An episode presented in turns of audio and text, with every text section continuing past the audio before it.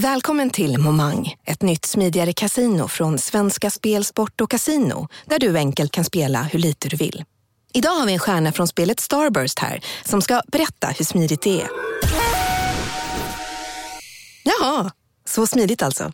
Momang, för dig över 18 år. Stödlinjen.se. Nu ska du få höra från butikscheferna i våra 200 varuhus i Norden. Samtidigt. Hej! Tack. Jo, för att med så många varuhus kan vi köpa kvalitetsvaror i jättevolymer. Det blir billigare så. Byggmax. Var smart. Handla billigt.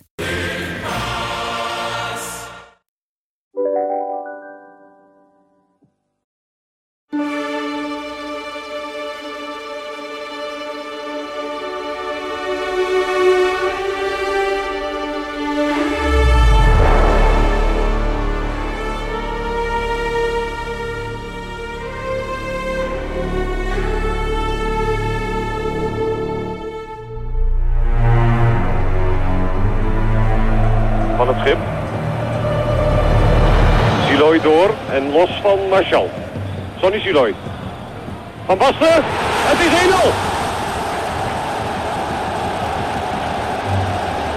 Schitterend gedaan van Sonny Siloy. Die aan de rechterkant doorging en even schitterend afgemaakt van Marco van Basten. Bullock got the ball back and Bosman goes in. And there's a goal for Holland by John Bosman. 2-1 to the Dutch. And Hullet again instrumental in the build-up. From one up now find themselves 2-1 down and never got organised after Hullet got Kenny Sansom in a bit of a corner there. The cross was driven and the flying header by. John Bosman. Van Schip. Wouters. Van Basten. Schitterend! Schitterend! Marco van Basten. Het mooiste doelpunt van deze competitie, denk ik. Op het moment dat Ajax echt even morsdood zat...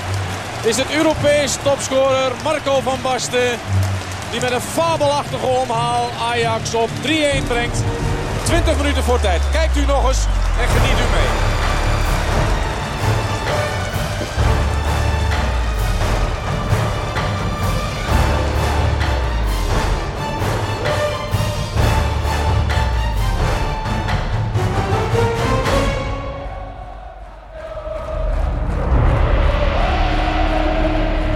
Dagens fotboll blir fotbollsspelares karriärer allt längre. Zlatan fyller 40 i höst och ska spela Champions League med Milan nästa säsong. Messi är 34, Ronaldo 36. Sagorna blir allt längre och spelarna bestämmer själva allt mer när de är slut. Spelaren vi ska prata om idag tvingades sluta när han var 28. Till och med tiden fram till han var 28 var kantad av skador. Ändå är han betraktad som en av de absolut bästa anfallsspelarna genom tiderna och helt given i min drömelva över världens bästa spelare någonsin. Alltså, jag kände till att börja med att vi snart måste börja syna den där drömelvan. Det känns som att den kommer innehålla lätt 56 spelare Nej. innan vi är färdiga med detta. Anfallet är ju Romario och van Basten då såklart, som vi ska prata om idag. Okej, och Okej, Pelé och Messi och de Ah, här. kanske ta in Ronaldo eh, så att jag spelar 4-3-3.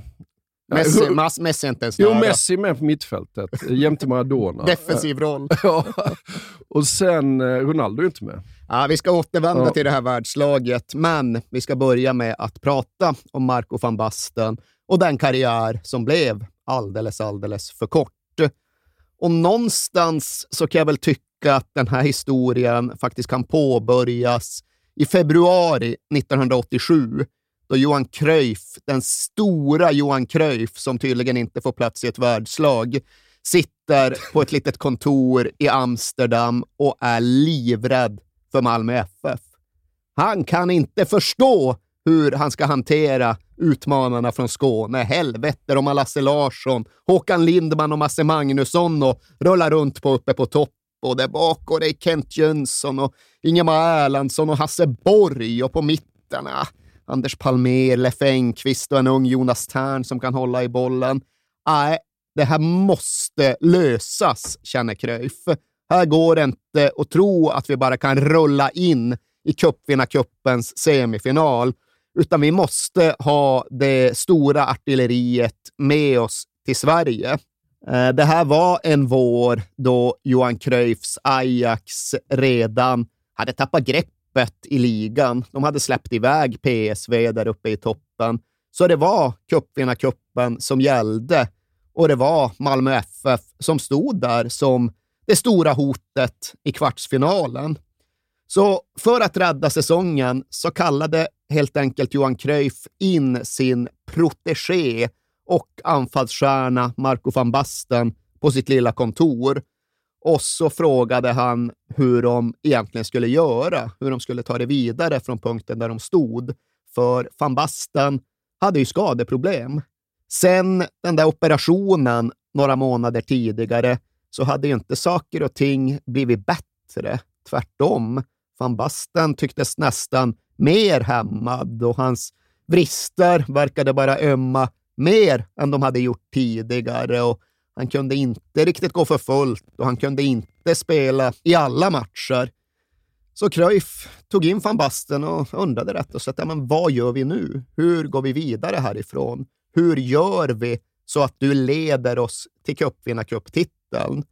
Och van Basten var väl rätt defensiv och ganska undanglidande och ganska osäker, för han visste själv inte.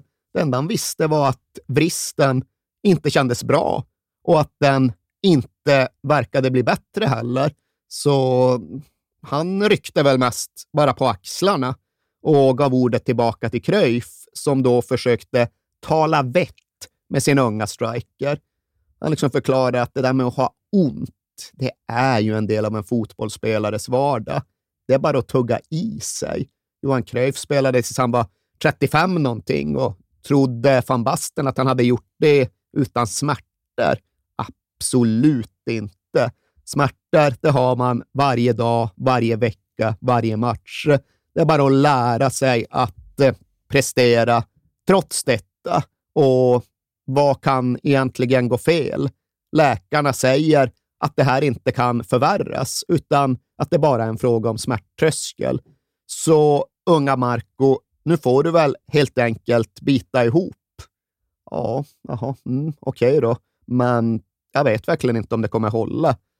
Nej, då sluter de en typ av avtal som innebär att van Basten får tillåtelse att vila i de allra flesta ligamatcher den här våren 1987 för att istället kunna prestera när det verkligen gällde i cupvinnarcupmatcherna mot Malmö FF och vidare framåt mot bucklan. Inga ligamatcher, fokus på cupvinnarcupen, vinn bucklan och som Cruyff stängde konversationen. Annars dödar jag dig. det är ju underbart. Ja, det är väl visserligen med ett snett leende, men det fanns ju någon typ av allvar ja. där bakom. Och det är väl också så att Cruyff eh, hade rätt i att inte ta lätt på Malmö FF, för hans förträffliga Ajax-lag åkte upp till Skåne och föll med 1-0 på Malmö stadion i den första matchen. Torbjörn Persson slog in det enda målet på straff. Men sen var van Basten lite närmare sin max, eller i alla fall sin normalprestation i returen. Och då vände ju Ajax dubbelmötet ja, men ganska enkelt. Van Basten driver ju, han gör två mål själv, klackar magnifikt fram bollen till öppningen som gör det tredje målet. Och där är Ajax 3-0 och även om MFF sen reducerar så är det ett programenligt avancemang för ett van Basten-lett Ajax som nu imponerat stort. Och det var lite kul för precis när vi spelade in det här så har Roy Hodgson gått i pension och den gamla fotbollsgentlemannen har ju sannoliken varit med om en del under en ja, 50 år lång tränarkarriär som spänner sig över hela världen. Men han fick en massa olika frågor om vad han tog med sig och vad han mindes och vilka som hade varit höjdpunkterna. Och då fick han bland annat frågan om det bästa lag han någonsin ställts emot. Och det fanns bara två upplagor som han själv tyckte förtjänade att nämnas.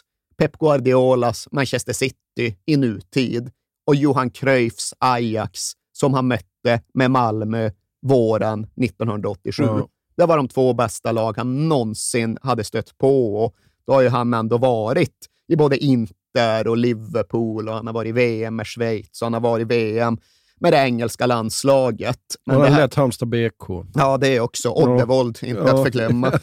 Men detta Ajax, det satte avtryck.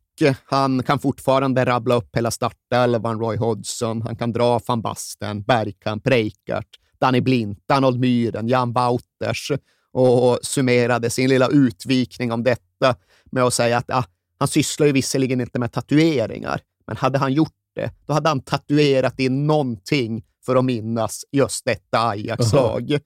Och de var ju bra som tusan. Skraja för Malmö FF, okej, okay, men på rask kurs mot säsongens slutmål. Några månader efter att Cruyff hade kallat in van Basten på sitt kontor och ja, ställt en typ av ultimatum. Då infriade ju van Basten också alla förväntningar. Då uppfyllde han alla krav. Då nickade han in det enda målet i cupvinnarcupfinalen. Han lyfte bucklan. Han räddade Ajax säsong och han höll någon typ av löfte gentemot Johan Cruyff. Siloy door en loss van Marshall. Sonny Siloy. Van Basten, het is 1-0! Schitterend gedaan van Sonny Siloy, die aan de rechterkant doorging. En even schitterend afgemaakt van Marco van Basten, die zijn belofte lijkt in te lossen. Vi måste ju säga också vilka det var de mötte då. Kanonklubben Lokomotiv Leipzig. Ja, vi har aldrig varit i Östtyskland, Erik. Det är ju lite skandal. Ja, vi får väl ta oss dit, men du ska ju veta det att i fotbollsstaden Leipzig, som numera är något helt annat ja. än det var på 80-talet, då sympatiserar ju vi med Kemi Leipzig. Ja, ja. Lokomotiv Leipzig, visst, de har anar, men det har med åren blivit en klubb med rätt obehagligt support. Ja, men jag vill hellre till Dresden, Dynamo Dresden. Ja. De har intressantare krigshistoria. De har intressant nutidshistoria också. Ja. Gick, ju upp, gick upp från Dritte den ja. här våren. Härligt. Men du nämnde ju det här att han redan här var skadad. Hur började det? Ja, det började då några få månader innan det här samtalet med Cruyff. Det går att säga att allt började den 7 december 1986. Ajax möter Groningen borta på Osterpark och Marco van Basten, han ville lite extra mycket just den här dagen, för hans storebror var tillbaka i Nederländerna. Han hade emigrerat till Kanada och de två bröderna sågs inte särskilt ofta, men nu var han hemma och nu skulle Marco van Basten visa vad som hade hänt med honom sen brorsan drog västerut. Han skulle visa vilken stor spelare han hade blivit och hur tapper han var med sin cap och sitt svärd. Och Det innebar bland annat att han kastade sig in i en duell som han normalt sett aldrig hade kastat sig in i.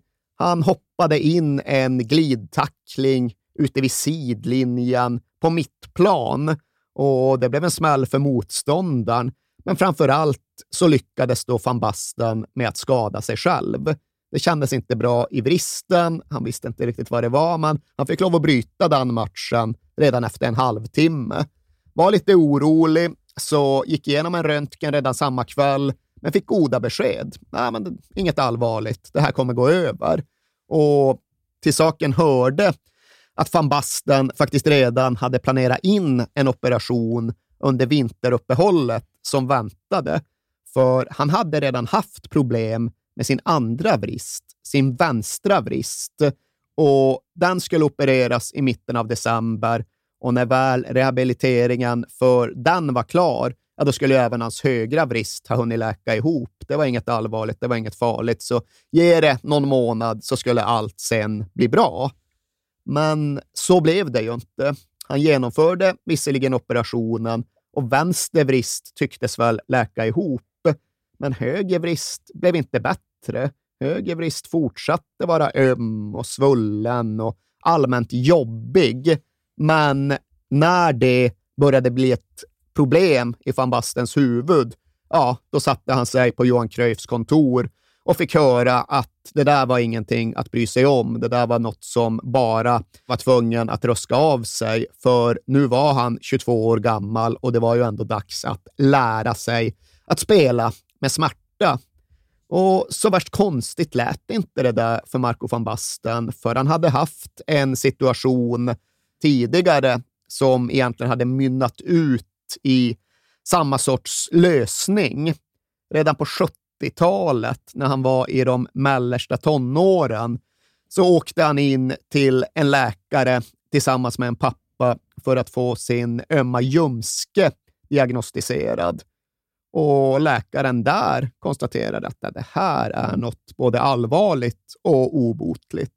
Det här kan du inte spela fotboll med, utan försöker du fortsätta din karriär, då kommer du bli både invalidiserad och rullstolsbunden. Så det där med fotboll, det är bara att glömma. Och jag tror Marco van Basten var väl 15 när han fick det beskedet. Och efter att han hade suttit inne på det där läkarkontoret så stapplade han ut till bilen tillsammans med sin pappa och så körde de därifrån i tystnad. Och efter några minuter så frågar Marco van Basten sin egen pappa, ja, nu då? Pappa, ja, vad då nu då? Vad händer? Ja, men vad händer nu? Ja, nu händer ingenting. Nu fortsätter du bara framåt, precis som vanligt. Precis som om inget hade hänt. Mm. För det här är bara frågan om att lära sig att hantera och besegra smärtan. Medicinska utlåtanden, äh, det är mest bara åsikter. Det handlar om att flytta fram gränsen för vad den egna kroppen klarar av. Och den gången visade sig van Bastens barska pappa faktiskt ha rätt. För det var inget allvarligt, det var inget obotligt. Det var en felaktigt ställd diagnos. Det var frågan om ja, men vanlig växtverk och det gick inte så värst många månader innan van Basten hade tagit sig igenom den och kunde fortsätta sin karriär precis som om inget hade hänt. Så det där med att spela sig igenom diagnoser, det där med att lyssna på fadersfigurer snarare än på doktorer, ja, det var inget nytt för honom. Nej. Ska vi prata lite mer om den här barska farsan och övriga familjen? Ja, det tycker jag är på sin plats, för ah, det var ingen rik familj, men det var inte heller en fattig familj. Det var en vanlig knegarfamilj med en fotbollsfarsa som patriark. Och Marco van Basten, ja, han hade inte någon himmelssäng när han var liten, utan han sov faktiskt på en tältsäng när han var barn. Och på kanten av den tältsängen brukade då hans pappa sitta på kvällarna. Men det var inte för att läsa sagor, utan det var för att föreläsa om fotbollstaktik. Det är inte en skröna, utan det är något som både far och son har bekräftat att pappan, han började till och med ta med sig en griffeltavla där han satt och liksom drog streck och ritade pilar och förklarade hur man skulle löpa som nia för att skapa ytor åt den offensiva mittfältaren. Och det var Marco van Bastens insomningsprocedur. Det var hans sagostund när han var riktigt liten. Och det kom ju sig av hans pappas enorma engagemang för fotbollen. Och det var det där klassiska. Själv hade han varit en medioker spelare, men nu hoppades han att någon av sönerna skulle lyckas. Och egentligen var det väl storebrorsan, han som flyttade till Kanada, som var tänkt att komma långt. Det var ju han som döptes till Stanley efter den engelska yttern Stanley Matthews. Ja, det. Men det blev ju sen ett hårt slag för pappan när det visade sig att han rätt och slätt inte var särskilt begåvad. Han försökte väl, men han var ingen talangfull fotbollsspelare. Och det blev väl tydligt ungefär samtidigt som den sex år yngre lillebrorsan Marco började spela. Där fanns det begåvning. Där fanns det talang. Ditåt riktades således pappans uppmärksamhet. För det där är ju också någonting som hela familjen i efterhand har varit väldigt öppen med. Att ja, men pappan han valde ju helt enkelt att totalt strunta i den här rätt begränsade storebrorsan och istället investera all sin uppmärksamhet och all sin energi i lillgrabbens fotboll. Och Stanley, storebrorsan, ja, det där var ju såklart inte så jävla kul för honom. Han började klaga på att pappan aldrig följde med honom till matcherna, aldrig åkte för att se honom titta. Men farsan han slog mest ut med henne. Ja, vadå då? Du, du har det ju inte. Men den yngre grabben, han har det. Och jag kan inte vara på alla platser samtidigt, så jag måste väl välja. Vad, vad är konstigt med det? Och det är en logik. Det, det finns sannoliken fler logiker som går att använda. Ja, men han struntar ju i allt utom Marco. Han struntade i frun, han struntade i systern, han struntade i storebror. Det var liksom Marco. Idrott på toppnivå kommer till priset av ett vanligt familjeliv, som han resonerade och motiverade. Ja. Och det är liksom ingen diskussion om att Marco van Basten från tidig ålder blev upphöjd och särbehandlad. Och han struntade i frun, han struntade i barnen, han struntade ju också i kyrkan, vilket inte var någon liten grej i dåtidens Holland. Familjen van Basten det var en ganska strikt katolsk familj, men Marco behövde inte gå i kyrkan, Nej. för det var i söndagar. Marco behöver fokusera på fotbollen. Och det är klart att en sån här barndom gör någonting med en grabb och hans syn på sin fotboll och hans syn på sig själv. Och för oss som tror på att en barndom präglar en människa så finns det ju rätt mycket att nysta i under Marco van Bastens tidiga år, som det sedan är intressant att resonera och reflektera vidare kring. Sen är det ju för sig också så att när han själv gör den där typen av tillbakablick så är det ju rätt mycket som han själv bara liksom konstaterar, rycker på axlarna åt och sen går vidare ifrån. Verkligen. Han tror ju liksom, ja. ja men, han, genetiken, Mark, och hur är det med den? Ja, din farfar var ändå holländsk mästare i tyngdlyftning, eller styrkelyft som vi vill säga nu för tiden. Ah, betyder ingenting. Ja, men din pappa han hade ett speciellt liv. Han liksom levde genom kriget, var någon typ av motståndsman under den tyska ockupationen, brukade vara ute och stjäla mat från de tyska soldaterna med livet som insats. Säger det någonting om någonting? Nej, säger ingenting om någonting. Aha, okej, okay, okej. Okay. Och sen är det ju den här allra mest dramatiska episoden i hans barndom som det alltid tisslades och tasslades om runt Marco van Basten, men som han länge själv inte förhöll sig till. Det var känt det här som hade hänt.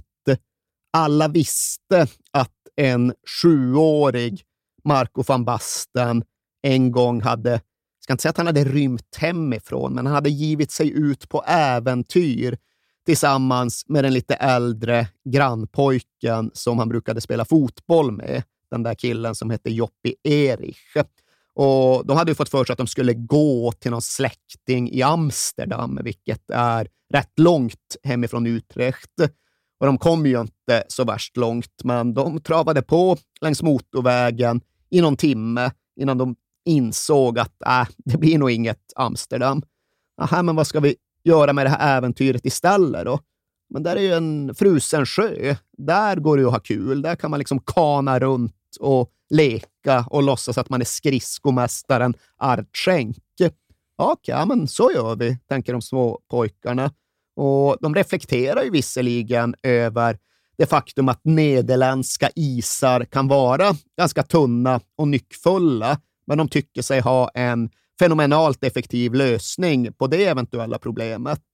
Joppi, den lite större killen som går först, han får helt enkelt hålla i ett rep så kan Marco van Basten, sju år gammal, hala in honom ifall isen skulle visa sig vara för tunn. Men den planen funkar ju sisådär, för Joppi hinner gå typ 10 meter ut från strandkanten och sen bara plumsar han rätt ner genom isen. Och repet, det släpper han ju samma tiondel som chocken säkert slår honom. Och där på stranden står en sjuårig Marco van Basten med en repstump i handen och fattar inte vad det var som just hände. Joppi borta. Det enda som finns kvar är hans toppluva som liksom guppar på vattnet högst upp i vaken. Och vad gör en sjuåring i ett sånt läge? Ja, han vänder om, springer därifrån och försöker hitta någon vuxen för att hjälpa till. Men det är klart att när det väl kommer vuxna till olycksplatsen fem, tio minuter senare, ja, då har ju Jopp Joppi sjunkit till botten och drunknat. Och ja, det där är ju såklart en enormt tragisk händelse. Ja. Och det viskades som sagt om det här runt Marco van Basten under alla år. Tänk vilken hemsk sak för en sjuåring att gå igenom. Tänk vad det måste ha påverkat honom under både hans uppväxt och hela hans liv. Men Marco van Basten själv pratade ju aldrig om det tills det att han då till slut publicerade sin självbiografi för ett par, tre år sedan. Och det var ju en ärlig och uppriktig bok. Det var inte en bok där man fick intryck av att van Basten ville framställa sig själv i god dagar eller han ville undvika sånt som var svårt, utan det ger ju intryck av att vara en ärligt skriven bok. Men när man då undrade hur han skulle berätta om den här barndomstragedin så gjorde han ju det egentligen bara som en redogörelse. Ja. Han skrev vad som hade hänt, det alla redan kände till. Och sen så hade han väl några passager om hur det var svårt för en så ung pojke att riktigt förhålla sig till det. Men sen fanns det ju inte så värst mycket mer reflektion om vad det hade inneburit för honom. Det han skrev, som i alla fall inte jag kände till tidigare, det var ju att han ändå hade sparat ett fotografi av Joppi på sitt rum under flera års tid. Det hade alltid funnits där och han kunde väl inte riktigt formulera varför, men det är klart att det var någon typ av minne, någon typ av trygghet, säkert ett mått av skuld också inblandat i att han sparade och värderade det där fotografiet så högt. Men så en dag ska ju då bara pappa van Basten ha gått in på rummet, tagit fotografiet och rivit sönder det. För han tyckte att det höll kvar hans son i någon form av mörker och negativitet som ja, inte gynnade hans fotbollsfokus. Och även detta är någonting som ja, Marco van Basten då konstaterar snarare än förhåller sig till. Så som han skriver i relation till bokens övriga innehåll så tycks hans egen bild vara att det där ändå inte var en så enormt stor sak för honom lite längre fram. Det är klart att det var ju trist att det där fotografiet försvann och det var givetvis tråkigt vad som hände. Men sen, rätt många år senare, då träffade han någon av Joppis systrar och då fick han ett nytt fotografi av henne och det kändes inte konstigt eller svårt överhuvudtaget. För alla förstod ju att det här var en olyckshändelse. Punkt, slut, kapitel, vidare. Ja, det, jag, jag gjorde precis samma konstaterande när jag läste. Liksom, så jag hajade till. Va? Va? och det, är liksom, han, det tar två sidor så, är han igenom det. Och där andra människor hade lagt en halv bok på att beskriva liksom, alla känslor och sånt där. Ja, nej, men det tycker jag är genomgående och jag tycker, jag väljer att prata om det för jag tycker att det säger någonting om den person och den fotbollsspelare som Marco van Basten sen kom att bli. För han uppfattas ju generellt som ganska kall, kantig, en egoist som körde egentligen hela sin karriär på sina egna villkor. Och holländarna ja, men de gillar ju sina bohemer och mm. sina artister och sina intellektuella. Och de uppfattade ju alltid honom som lite oåtkomlig, på gränsen till okänslig. Det har varit många som har gjort den där jämförelsen där de hävdar att ja, men egentligen är nog Marco van Basten en tysk idrottsman i nederländska kläder. Uh För hans mm. mentalitet, hans sätt att föra sig, ja, men det är det som holländarna förknippar med tyskarna. Och jag vet givetvis inte mer än någon annan om vad som är arv och vad som är miljö här, men nog kan jag ändå luta mot att en del av det som ändå hände under Marco van Bastens barndom en, de, en del av det som ändå präglade hans familj ändå satte avtryck i honom också. Jag inser att jag hobbypsykologiserar, men nog tror jag kanske att van Basten blev en lite mer stängd, sluten, svåråtkomlig och målinriktad ung man med tanke på saker som han gick igenom med tanke på hur hans familj och hur hans pappa behandlade honom. För när vi sen tar oss fram till ja, men säg mellersta tonåren, när han verkligen börjar utmärka sig som fotbollsbegåvning, då skriver han ju ja, men ganska öppet och utan omsvep om att ja, för de som inte hjälpte honom närmare sitt mål så var han ingen särskilt trevlig person. Nej. Han struntade ju i egentligen alla som inte gynnade hans fotboll. Han var trevlig mot lagkamrater, han var trevlig mot de tränare han uppskattade. Han eh, satte såklart värde på hur hans pappa vallade fram honom genom karriären, men så värst många andra människor fick inte plats i Marco van Bastens liv och det där kan han ju se tillbaka på och återigen konstatera att ja, så var det. Och som han själv formulerade det, du kan inte göra en omelett utan att knäcka några ägg. Och det är tydligt att han var osedvanligt målmedveten när det kom till hans fotboll. Och i Holland har det ofta byggts betydelse runt de tonårsdagböcker som blev kvar i hans pojkrum då han själv flyttade ut i världen. De som med tiden har blivit någon form av museiföremål. För ja, det var dagböcker. Han kunde skriva någon rad om någon tjej som han hade fått ögonen på när han var 16. Men i stort sett så bestod ju dagböckerna enbart av fotboll. Och fotbollen, ja, den katalogiserades väldigt noggrant och under vissa perioder, ja, då såg Marco van Basten till att skriva ner både slutresultat och aktuell tabell varje helg som man hade spelat. Sen hände det någonting. Sen kanske ligasegern var säkrad just den våren. Eller sen så lämnade han till exempel sitt Elinkvike för Ajax.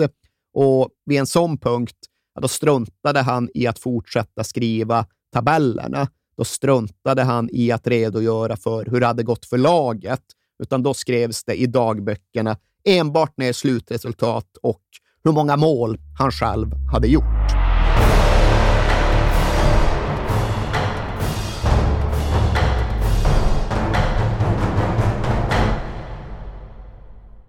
Jag vill inleda med att säga att det är garanterad jackpot på 13 miljoner på Stryktipset. Och fy fasen. Ja, visst.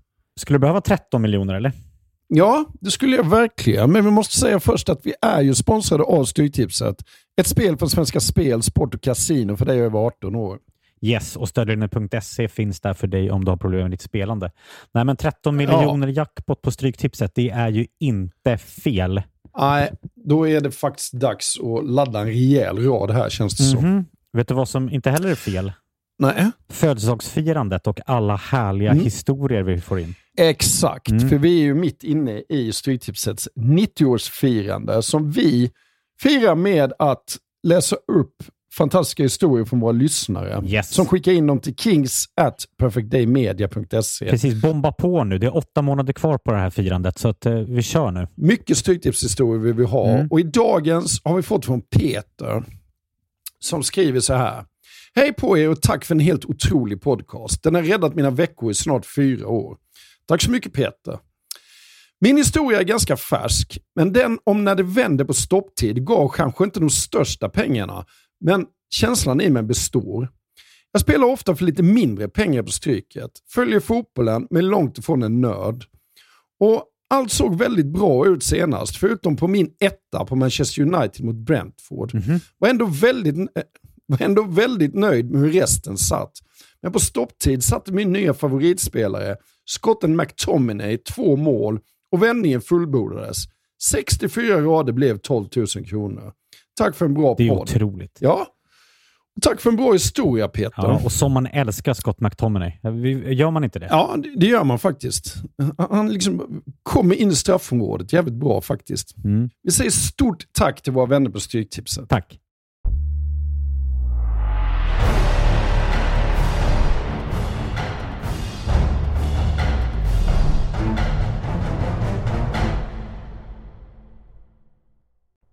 Ja, för att i yngre tonåren så kom han till Ajax och han träffar ju den Hollands största där också, va? som påverkar han mest. Ja, och det är ju en väldigt tacksam arvtagarsymbolik det här med att eh, Marco van Basten får debutera för Ajax i april 1982, då han själv är 17 år gammal.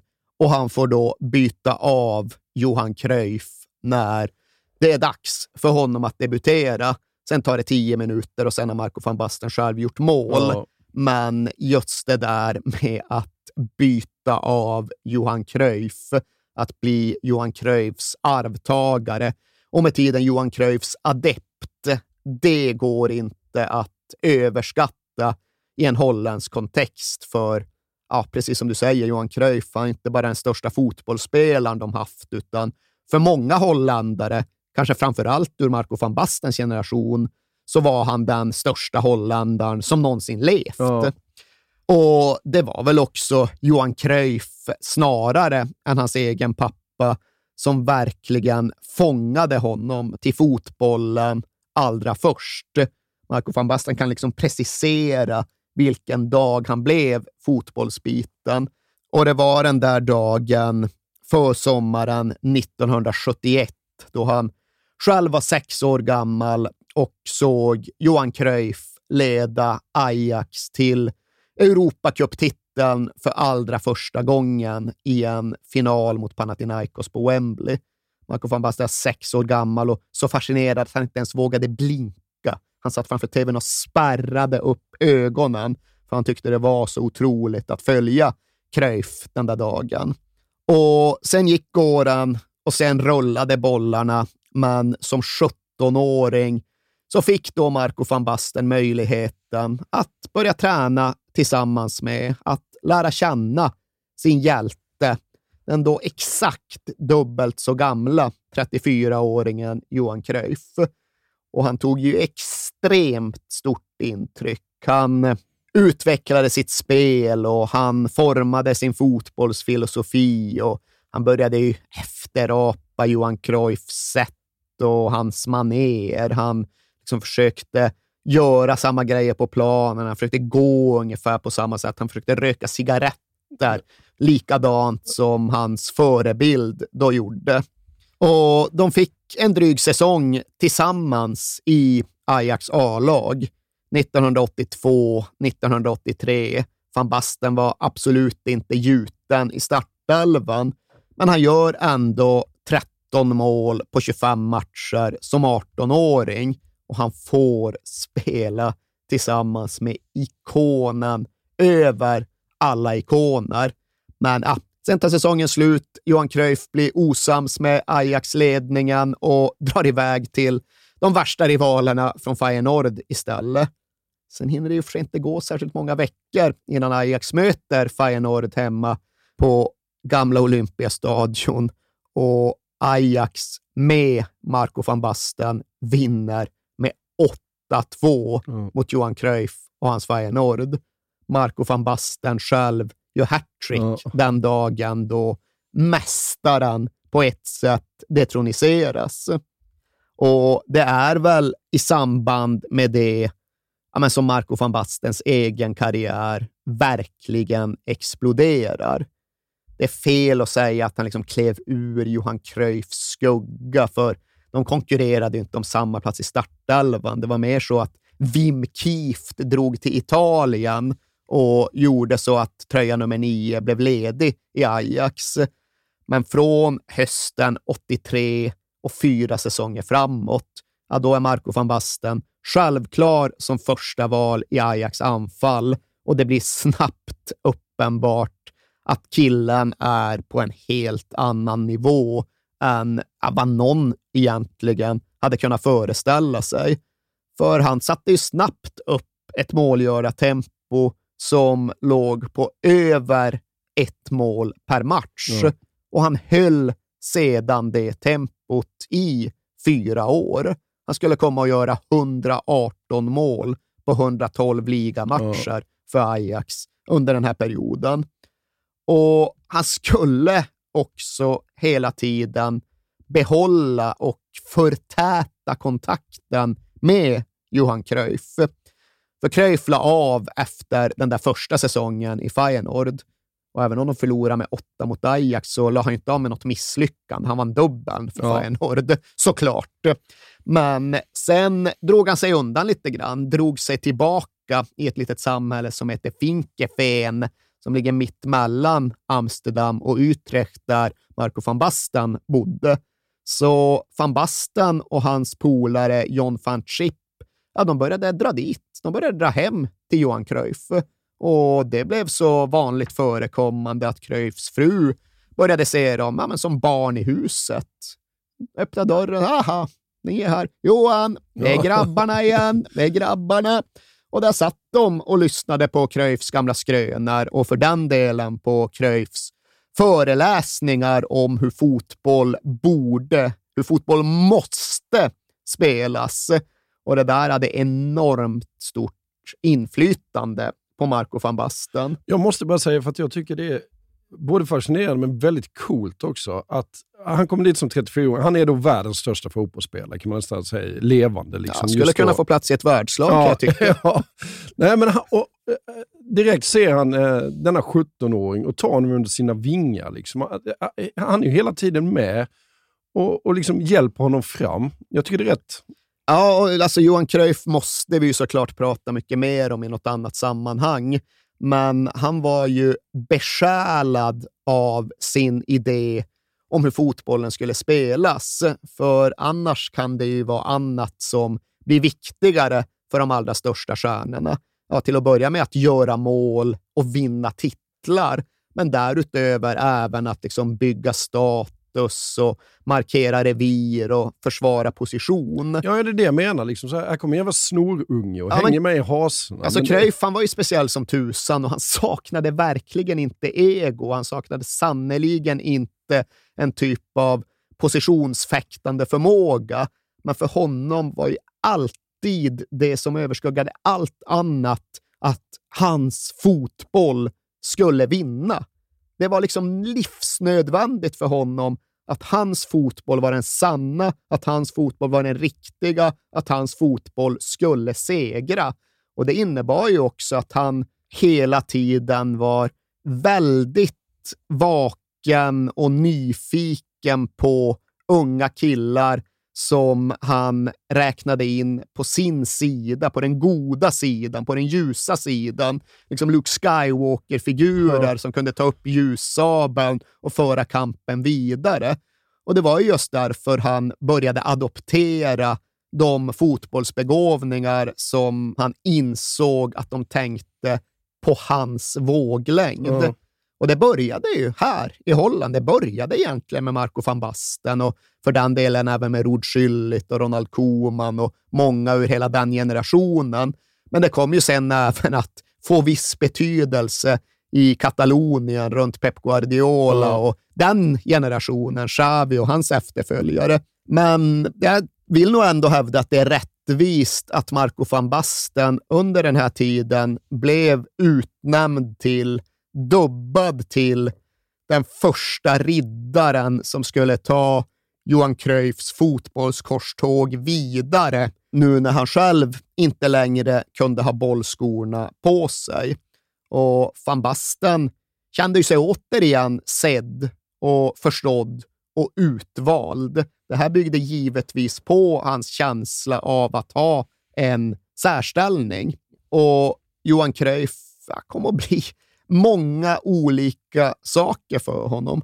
Han var lite agent, lite sponsor, men framför allt en typ av andlig ledare och eh, mentor. Och det här var verkligen en relation som både Cruyff och van Basten värdesatte.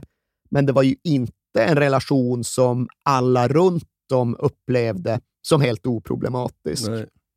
Eh, våren 1985, när det alltså gått några år sedan Cruyff lämnade Ajax, sen han slutade spela, ah, då hette det att Marco van Basten och då hans kompis John van Schip underminerade dåvarande Ajax-tränaren Ademos. Moss. För vid det laget så hade det börjat surras om att Johan Cruyff ville återvända till fotbollen. Johan Cruyff ville in och träna. Och vart skulle han träna? Han skulle träna i Ajax. Det var liksom ingen diskussion. Ja, men Ajax har redan en tränare och det går rätt bra också. Jo, jo, men ska det bli någon omelett får man ju lov att knäcka Ja. några ägg. De ledde ligan då när han ville in i... Ja, nej, men Och- det sägs ju ha varit det som hänt. Och Marco van Basten själv, han antyder väl att jo, det var väl ungefär så att de såg till att underminera sin tränare. Tränaren blev förbannad, bänkade dem som en typ av markering. Ja, då var liksom bollen i rullning på ett sätt som inte gick att stoppa. Och det var en strid som Ajax-coachen Ademos helt enkelt inte kunde vinna. Så trots att han tog dem till ligatiteln den våren så fick han ju ändå kicken. Ja. För att han inte kunde hantera sina unga storstjärnor. Varför kunde han inte hantera dem? Ja, för att de hade bestämt sig för att han skulle bort. Ja. Så det var en rätt tuff situation för Ademos, men han försvann och eh, folk glömde ju honom så fort Johan Cruyff klev in istället. Och han fick ansvaret för Ajax sommaren 1985, men han blev inte tränare för Ajax. För likt en holländsk multiplicerad Jonas Tern-figur så hade han ju såklart inte alla de tränarlicenser som det holländska förbundet tyckte att han skulle ha.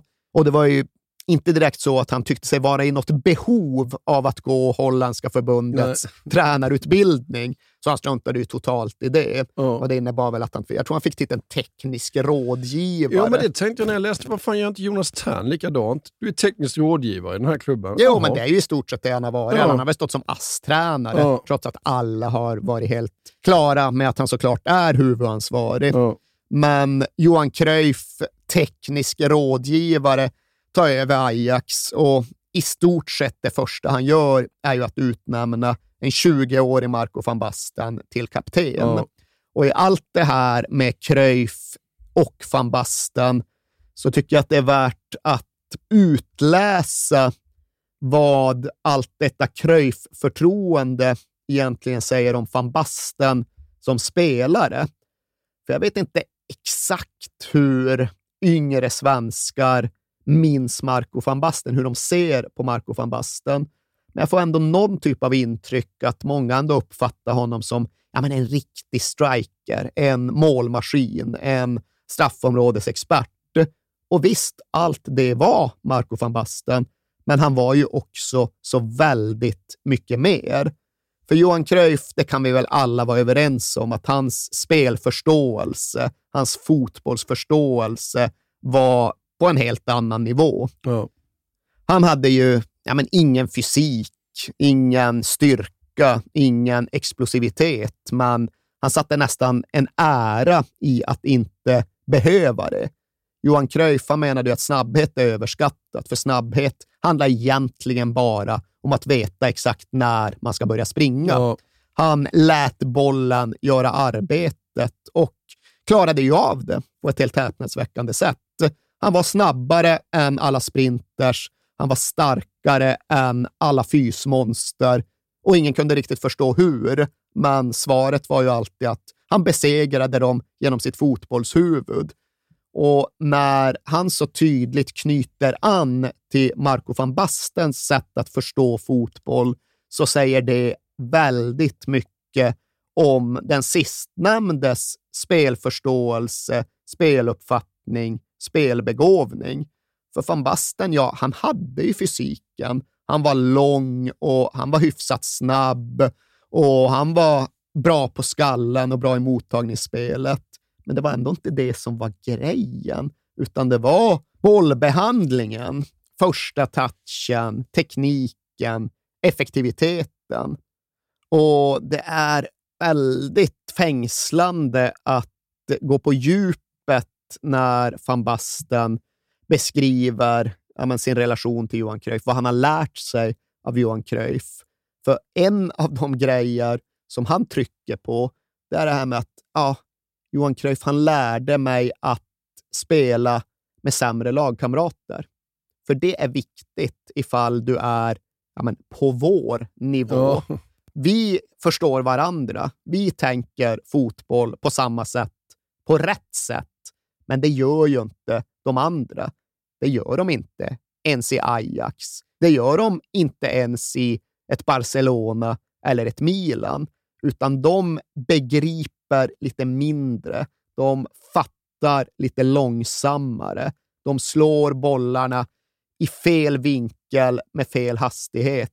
Och det måste man lära sig att hantera och klara av.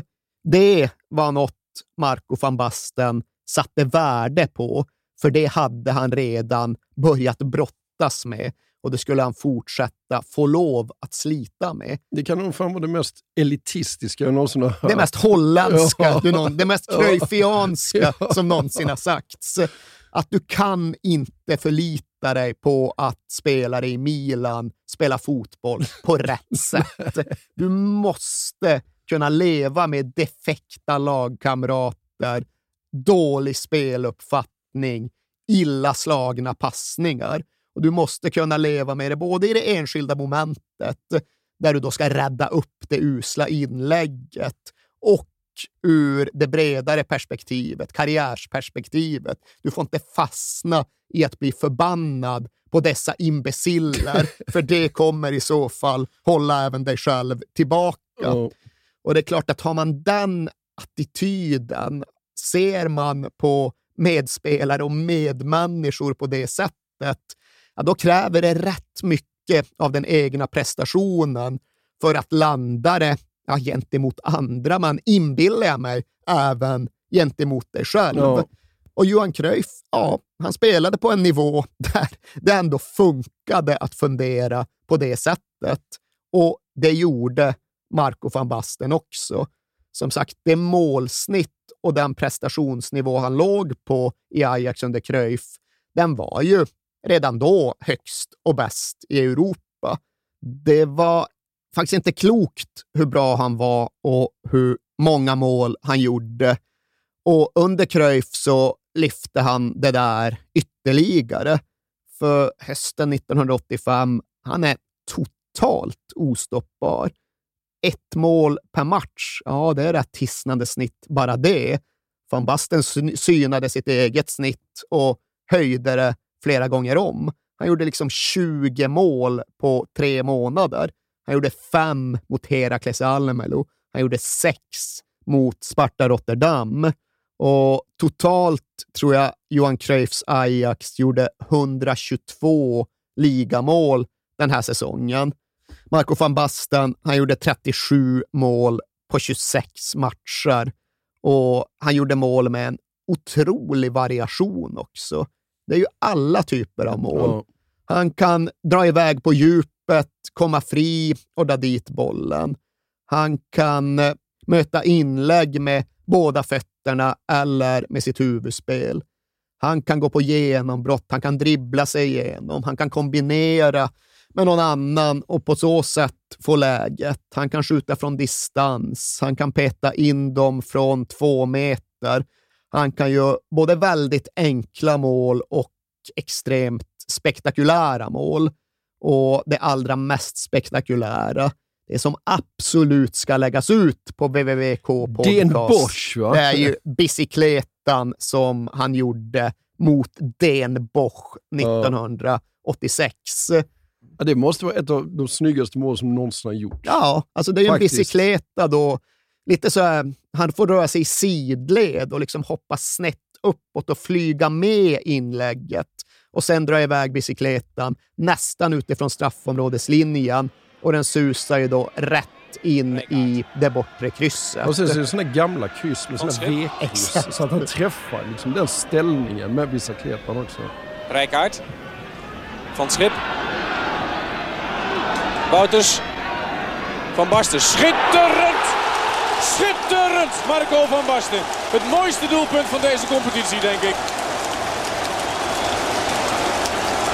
Op het moment dat Ajax echt even morsdood zat, is het Europees topscorer Marco van Basten die met een fabelachtige omhaal Ajax op 3-1 brengt.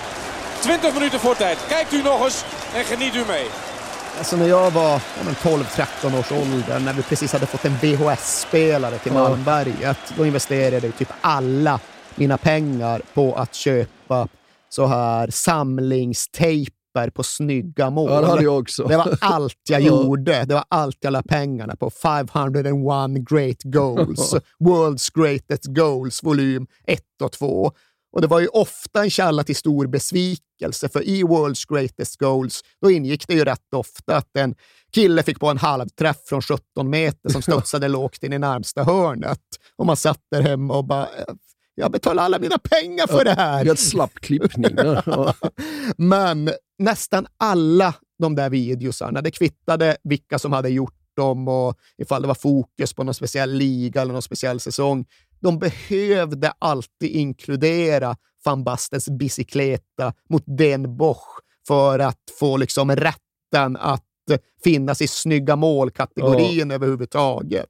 Det var det och så Maradonas dribbling 86. Ja. Det var liksom de två som var målen från 1980-talet. Ja.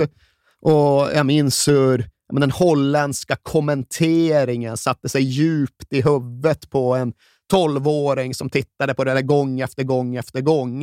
Jag har inte liksom kollat upp det i efterhand så att jag vet hur det egentligen sägs och låter. Men holländarna brukade tjuta “skip the rutt” eller något i den stilen när van Basten drog in sin bicykleta. Jag förutsatte då att det betydde typ “vilket mål”, Ja. “skip the rutt”. Så det var ju alltid när man själv gick och sköt och försökte träffa krysset på Malmbergets B-plan, ja, då var det “skip the rutt” Ja. som utstöttes och vrålades ifall man någon gång lyckades. Och det var från van Bastens bicykleta mot Den Bosch. Van Basten, schitterend! Schitterend, Marco van Basten.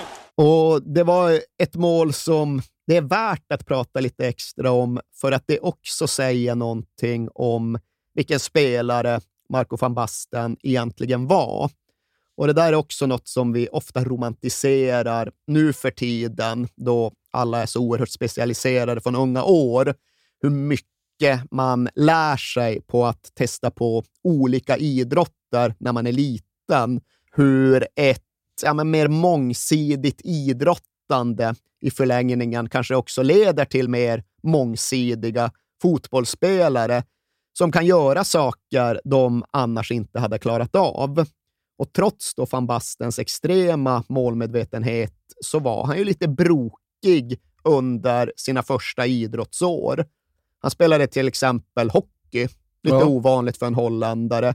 Men likt Ajax-polaren Jari Littmanen så hittade han grejer där som han sen använde sig av i sin fotboll. Littmanen han hittade ju någonting om hur han liksom kunde flytta målvakten för att få bättre vinklar för sina egna avslut. Van Basten han uppskattade ju det där att det var tillåtet, det var regelmässigt att lyfta motståndarnas klubba när pucken närmade sig. Det tyckte han var ett riktigt trumfkort att använda sig av som anfallande spelare. Och det förde han in i sin fotboll, där han ja, men på något sätt lyfte motståndarnas klubba. Han lyfte på motståndarnas fot. Han liksom sparkade till lite under foten, så vitt jag uppfattat det, precis när inlägget var på väg Han in. duttar lite. Ja, Och så, exakt. så att du hamnar i obalans. Ja. Ja, och det hade han då importerat från hockeyn. Sen hade han tydligen en period när han hade fått för sig att han skulle bli gymnast. Och det är ju inte så svårt att förstå att gymnastik, det är bra för motoriken och för kroppskontrollen. Det är väl även simhopp, gissar jag, utan att någonsin ha provat på. Och simhopp var ju också något som den unga Marco van Basten ägnade sig åt. Det var även något som han började ägna sig åt på ett genomtänkt sätt just för att främja sin fotboll. För bicykleten, den var inte globalt allmängods på 1970-talet. Du hittade många fotbollsfantaster som aldrig ens hade sett en bicykleta 1975. De kanske hade hört talas om en brassespark, som vi ju länge sa i Sverige. Ja. Och de kanske hade sett någon stillbild, men de hade aldrig sett det utföras framför sina egna ögon. Och det hade inte Marco van Basten heller innan han såg den tyska spelaren Klaus Fischer Ja. dra iväg någon bicykleta. Jag vet att Klaus Fischer satte en halvdamm bicykleta i VM 82, men jag tror att han hade det som någon sorts signum och att han därför hade sett det ännu lite tidigare. Men det hade i alla fall trollbundit honom. Ja. Hur, hur gör karln? Hur går det till? Hur lär man sig det där? Okej, du, så, han hoppar så, pendlar så. Okej, så det där var nog någonting som Marco van Basten började använda sina simhoppsträningar för att öva på. Där andra, jag inte fan vet jag, mollbergare i peak. Ja. Där kraschade liksom van Basten träningspassen med att göra bicykletarörelserna Ja. från trampolinen istället. Och allt det där kom ju på något sätt att samverka och göra det möjligt för Marco van Basten att dra dit denna, ja, men den mest spektakulära av alla bicicletas. Den var i alla fall det då. 1986 hade aldrig någon gjort ett vackrare bicicletamål. Nej, jag vet inte om jag har sett något liknande. Det faktiskt. finns en del kandidater nu Ja. för tiden, allt YouTube, alltså allt finns. Men 86 var det där. Det var nytt världsrekord i bicykleta. Ja. Det var kanske även nytt världsrekord i vackert mål. Och det blev kröningen på den här sanslösa perioden då Marco van Basten först gjorde ett mål per match, sen tre mål per match, sen faktiskt under ett tag fem, sex mål per match. Och det gjorde bland annat så att han belönades med den europeiska guldskon som ju då kontinentens allra främsta målgörare får ta emot. Och då är han alltså 22 eller är han 21? Han har nog precis hunnit fylla 22. 22 För han och är Europas främsta målskytt. Bicykletan Ja. mot Den Bosch i, tror jag, början av november 86 och han fyllde 22 i slutet av oktober 86. Och bara några få dagar efter att han satte den bicykleten, ja, då får han ju då dra till Paris var det väl? Lido i Paris. Lido. Ja, men det är en berömd klubb. Är det? Ja. Okej, Ja, den ja. referensen har jag Ja, det, det gläder mig att Ja. du har koll på Ja, Paris klubbliv. Ja, där är det i alla fall Uefa-gala. Maradona får väl ta emot Ballon d'Or, men det finns ändå ett sus i luften runt Marco van Basten. För det där bicykletamålet visas ju upp på tv-skärmarna inne på Lido, både före och efter han får ta emot den här gyllene dojan som på den här tiden var ett mycket roligare pris än den är idag. För numera har de ju infört det jävla kvotsystemet där mål i storligorna räknas dubbelt. Och det innebär ju att det alltid blir någon i den spanska ligan som får guldskon. Det har ju varit typ Messi och Ronaldo, Ja. eller möjligen Suarez, de senaste tio åren. Nu blev det Lewandowski och det var första gången på 50 år som en Bundesliga-spelare fick Ja. det. Men det har varit spelare från de ligor som räknas dubbelt. På 1980-talet då räknades alla mål i alla ligor lika högt och det blev därför en förträfflig spridning på vart guldskon hamnade. Och här begär jag inte att du ska ge mig alla vinnare av guldskon, men jag vill att du ska ge mig en annan vinnare av guldskon under 1980-talet vid sidan av Marco van Basten. En enda, det är allt jag begär. En enda, då måste det vara skitsvårt ju. Det är inte jättelätt, men det är kul. ja, Det är roliga vinnare. Jag tror till exempel inte, jag ger dig några, jag tror inte du kommer ta Georgi Slavkov från Botiv Plovdiv. ja, men vad fan. Nej, det är klart jag inte kommer. Men det finns några som är inom räckhåll. Jaha. Jag tror inte heller du tar belgaren Erwin van den Berg från Liège. Ja, nu ska jag kunna alltså fotbollsspela på Men 80-talet. det är din tid. Ja, eh, men då måste jag... Och då, då ska vi in i de här konstiga ligorna för att liksom, eh, och röja då alltså. Jag trodde mig veta vilken din triumfgissning skulle vara. Jag ska se om du kommer. Du kommer komma till en punkt där du liksom triumferande stöter in en gissning som ändå visar sig vara fel. ja, ehm, Paolo Rossi. Ja, det är en helt okej gissning, men det var ju inga mål i italiensk fotboll på den här tiden. Nej. Du vann skytteligan på 12 liksom. Ja. Så nej, Rossi kom inte upp. Föller. Nej, han, han ser vi inte till. Inga tyskar. Inga tyskar. Nähä. Det var som sagt Gert Müller, ja, 72, eller han nu gjorde 40. Sen var det inget från Bundesliga fram till 2021. Har vi, nu ska vi se här förresten. är detta för tidigt eller kan vi ha den danske underbara som vann med Verona, vad heter han? Men det måste du ändå kunna ta fram ur huvudet. Ja, men, jo, men vad fan, jag har en miljon namn i huvudet nu och jag är dålig på namn. Eh, är jag på rätt spår eller? Nej, alltså, det ska ändå bli intressant att se om du lyckas ta fram namnet, men det är inte rätt. Nej, jag lyckas inte ta fram namnet. Du famlar ju efter Preben Elkjär, Ja, eller som han hette på den här tiden, Ja. Preben Elkjär Larsen.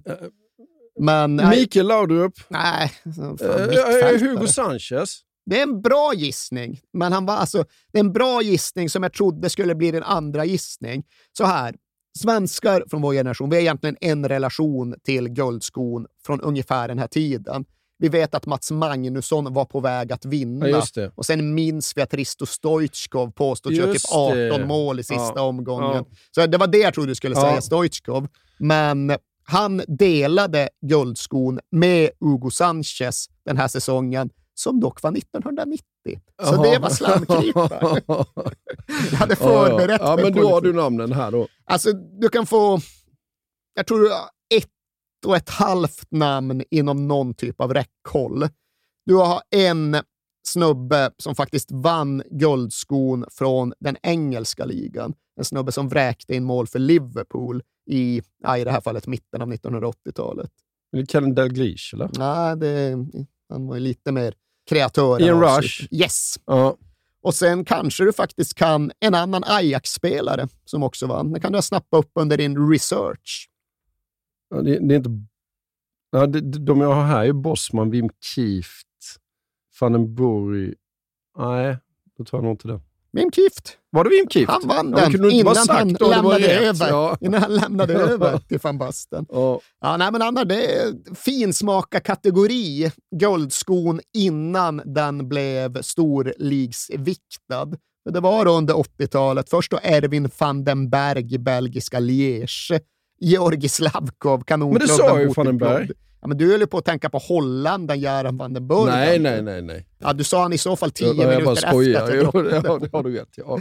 Ja, Slavkov Butiv Plovdiv, Wim Kieft Ajax, Fernando Gomes Porto. Ja, just det. Jävligt obehaglig Ja, att ha emot ja. sig när han spelade landslagsfotboll mot Sverige på Ja. 80-talet.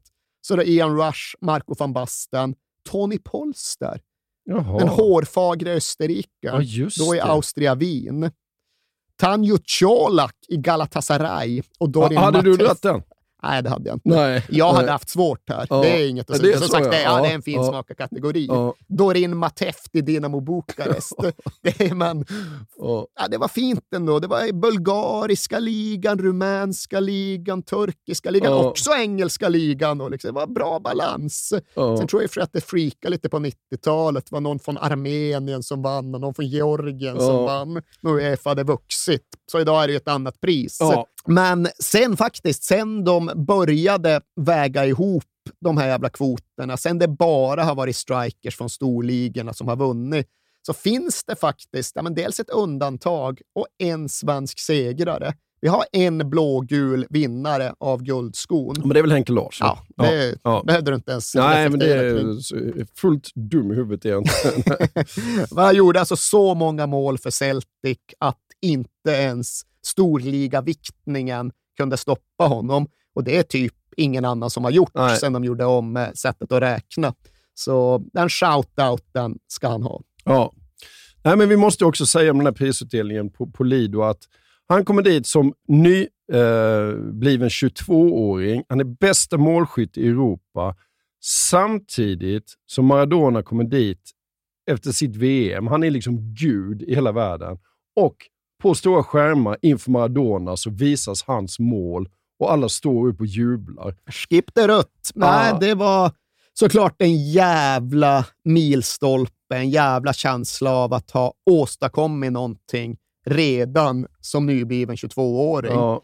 Men det här var ju då november 1986 och sen gick det några få veckor och sen var det match borta mot Haningen på Osterpark samma dag som storebrorsan Stanley var hemma på besök från Kanada. Marco van Basten kastade sig in i en glidtackling, skadade vristen och skulle aldrig någonsin spela smärtfri igen. Pressade sig igenom smärtan för att vinna den där cupvinnarcupen åt Johan Cruyff. Skrev på ett förhandskontrakt med AC Milan under samma period och avtackades därför från Ajax i slutet av säsongen. Och ja, hur tog Marco van Basten farväl av sitt Ajax? Han gjorde fyra mål. Han gjorde fyra plus ett Ja. i sin sista match och Johan Cruyff bytte ut honom för att få ovationerna trots att han inte hade några byten kvar. Nej. Han hade gjort sina byten. Han struntade- Vi bytte ändå ut van Basten. Han ska ändå gå av på det här sättet och få de här ovationerna. Ja. För det går verkligen att säga att Ajax aldrig hade sett något liknande. Nej. Van Basten, schitterend!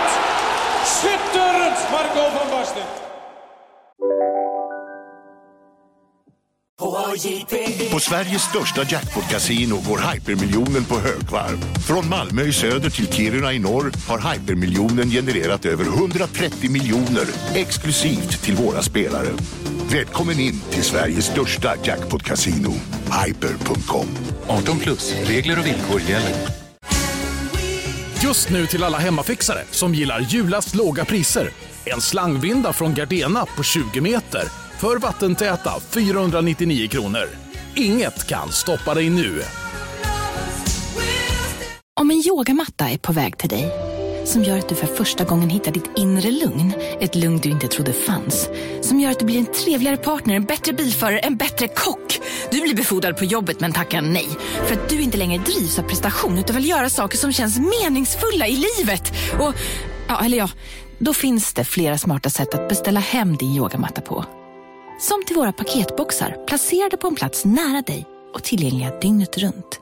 Hälsningar Postnord. Ja, han har alltså varit fantastisk i Ajax, men det har inte gått riktigt lika bra i landslaget. Va? Nej, vid den här punkten så har det ju inte det.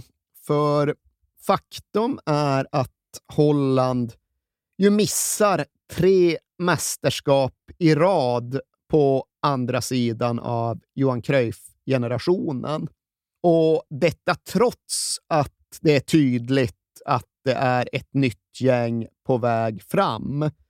För det brukar sägas att den nya holländska landslagsgenerationen, den föddes en ruggig oktoberkväll 1983 på Irland. Holländarna vänder ett 2-0-underläge till en 3-2-seger och det är Rod Schüllit och Marco van Basten som leder vändningen. Schüllit gör två mål, Marco van Basten gör ett mål. Och de är så färska och de är så unga att Rod Schüllit inte ens har hunnit skaffa sig sina dreadlocks ännu. Och Marco van Basten är bara 18 år gammal och blir så glad över segermålet att han firar med att gå på händer. Ja. Ett jävligt säreget målfirande, men han bo- går bokstavligt talat på händer samtidigt som hans lagkamrater jublar. Men trots denna triumf så missar då Holland VM 82. De missar EM 84. De missar faktiskt även VM 86. Och detta då trots att rätt många av de här unga killarna hade hunnit rätt långt i sina karriärer och sin utveckling. Men de tvingas till ett avgörande playoff mot grannnationen Belgien. Lite bortglömda matcher kan jag känna, Ja. för jäklar vilken, vilken holmgång, vilken dramatik och vilket klimax.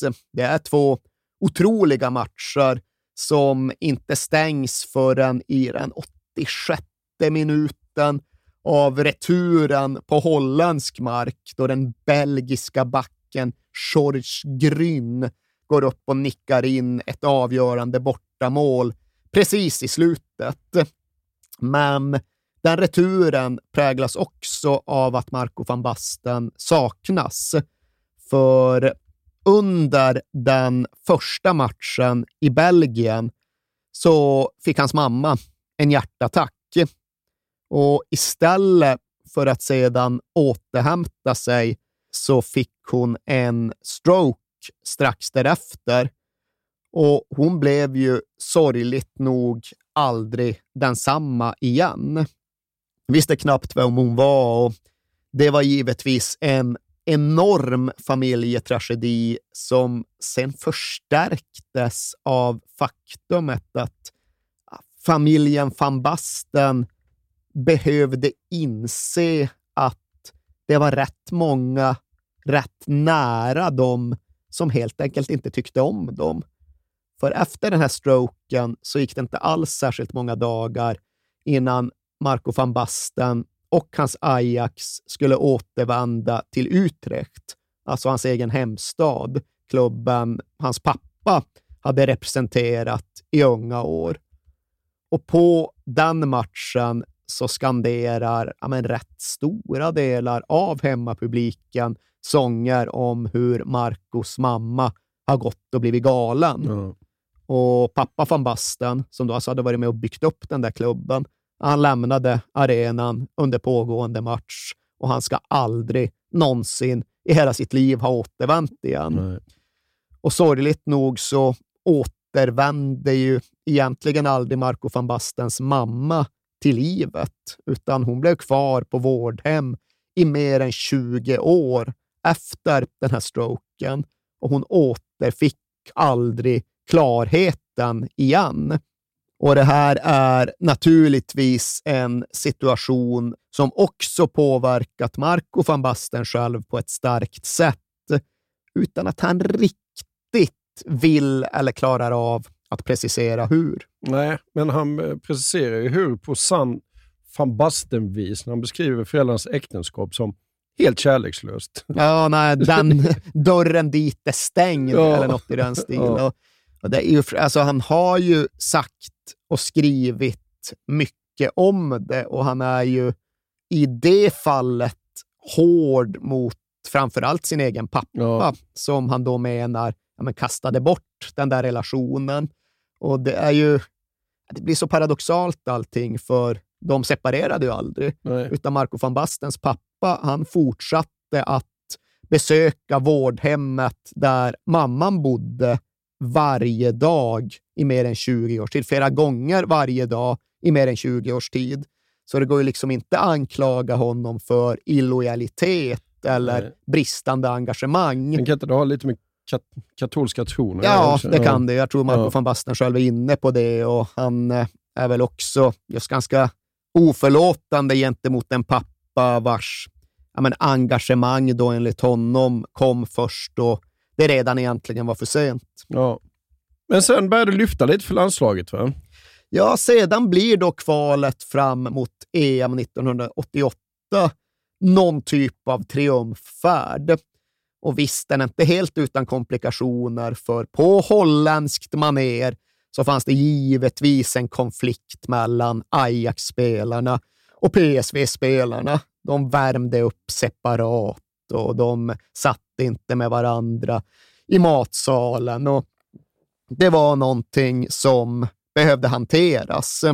Och det slutade med att lagkaptenen och ledaren Rod som ju var från Amsterdam, men som hade spelat i PSV Eindhoven, gick in och ja, men, byggde broar och mäklade fred. Han ska i och för sig ha tyckt att Ajax-spelarna var väl arroganta. Och det höll inte Marco van Basten med om, men de lyckades hitta fram till en väg som ledde mot mästerskap. Det var i stort sett klart redan med några matcher kvar, för det enda Nederländerna behövde göra, det var att gå ut och besegra Cypern på hemmaplan och sen var allt klart. Just det, för när jag satt och kollade på det här kvalet, så, eh, jag kollade bara på siffrorna, så bara ja, 8-0 Cypern och så står det bara annullerad efter. Då blir man ganska intresserad. Ja, nej, det var ju en dramatisk kväll och inte på grund av fotbollen som spelades, för det blev mycket riktigt 8-0 och Johnny Bossman gjorde sex mål. Men innan de nådde slutsignalen så skedde ju ett intermezzo. Det var rätt och slätt så att det kastades, ja, det de själva beskriver som en liten bomb Ja, mot den cypriotiska målvakten. Alltså inte en bengal eller ens en banger eller någon annan pyroteknik, utan en hemmagjord bomb. Ja. Det visade sig vara en 21-åring från det lilla samhället Oss som hade suttit och på något sätt gjort om en tennisboll till en bomb och kastat den mot den cypriotiska målvakten. Han hade historia, han hade kastat små bomber mot andra fotbollsmålvakter tidigare. Men ja, konsekvensen blev både förhållandevis lindrig och väldigt allvarlig. Förhållandevis lindrig på så sätt att målvakten egentligen inte skadade sig, men allvarlig på så sätt att matchen givetvis avbröts och utredningen tycktes kunna vara på väg lite vart som helst.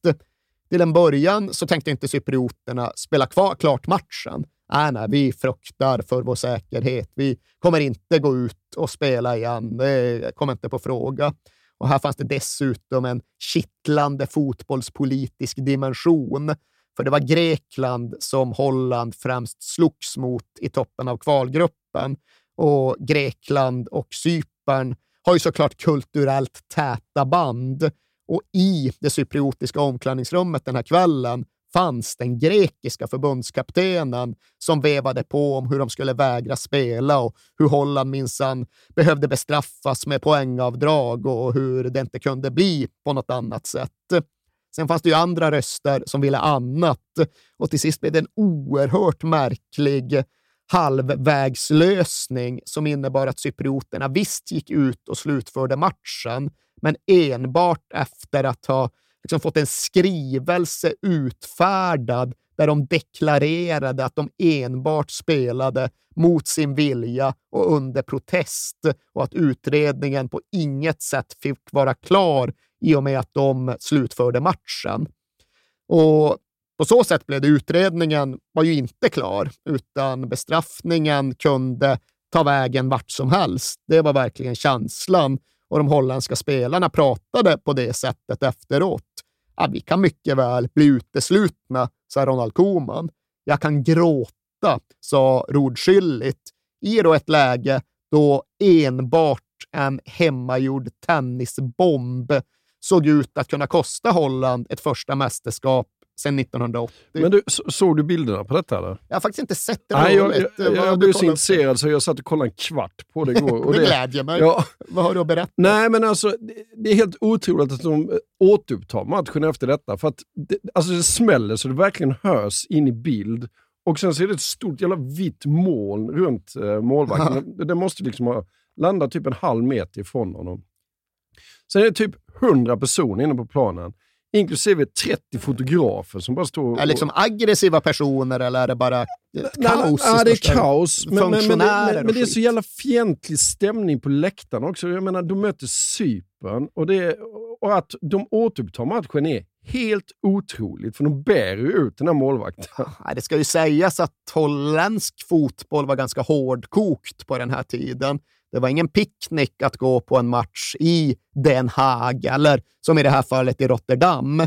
Det var tuffa läktare och huliganismen var inte enbart begränsad till England, utan holländsk landslagspublik hade kravallat på både två och tre ställen. Mm. Och Det gör det egentligen ännu märkligare att de i slutändan kommer undan med det här.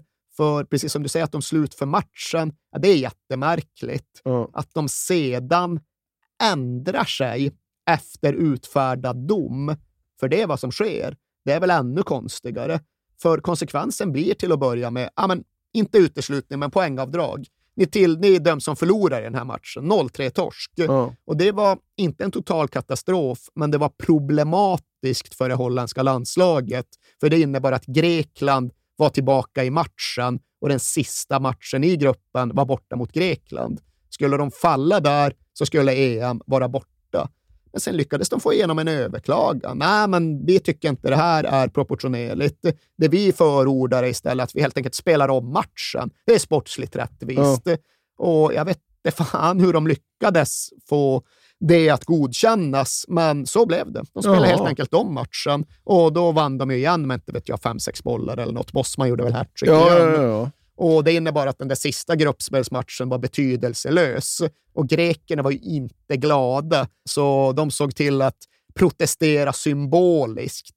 Snarare än att spela på en stor arena i Aten så knuffar de iväg matchen till någon bakgård på Rhodos. De skickar liksom inte en enda A-landslagsspelare, utan bara en massa halvfigurer. Ja. Bara för att på något sätt ändå göra en markering. Ja. Du, eftersom ingen av våra lyssnare har sett det där så ska jag lägga ut den här bomben på Men jag har Instagram. inte ens sett det, så jag ska... VVK Podcast kan du få se bomben mot Cypern. Om vi passar på att ägna 27 sekunder åt egen reklam. Vi vill puffa för Instagramkontot www.k podcast och vi vill ju även puffa för vår pågående produktion av avsnittströjor, av podcast-merch. Ja. Och De flesta av er vet ju numera om att torsdagen varje vecka klockan 10 ja, då publiceras den färska avsnittströjan som ni hittar på www.merch.se. Ja.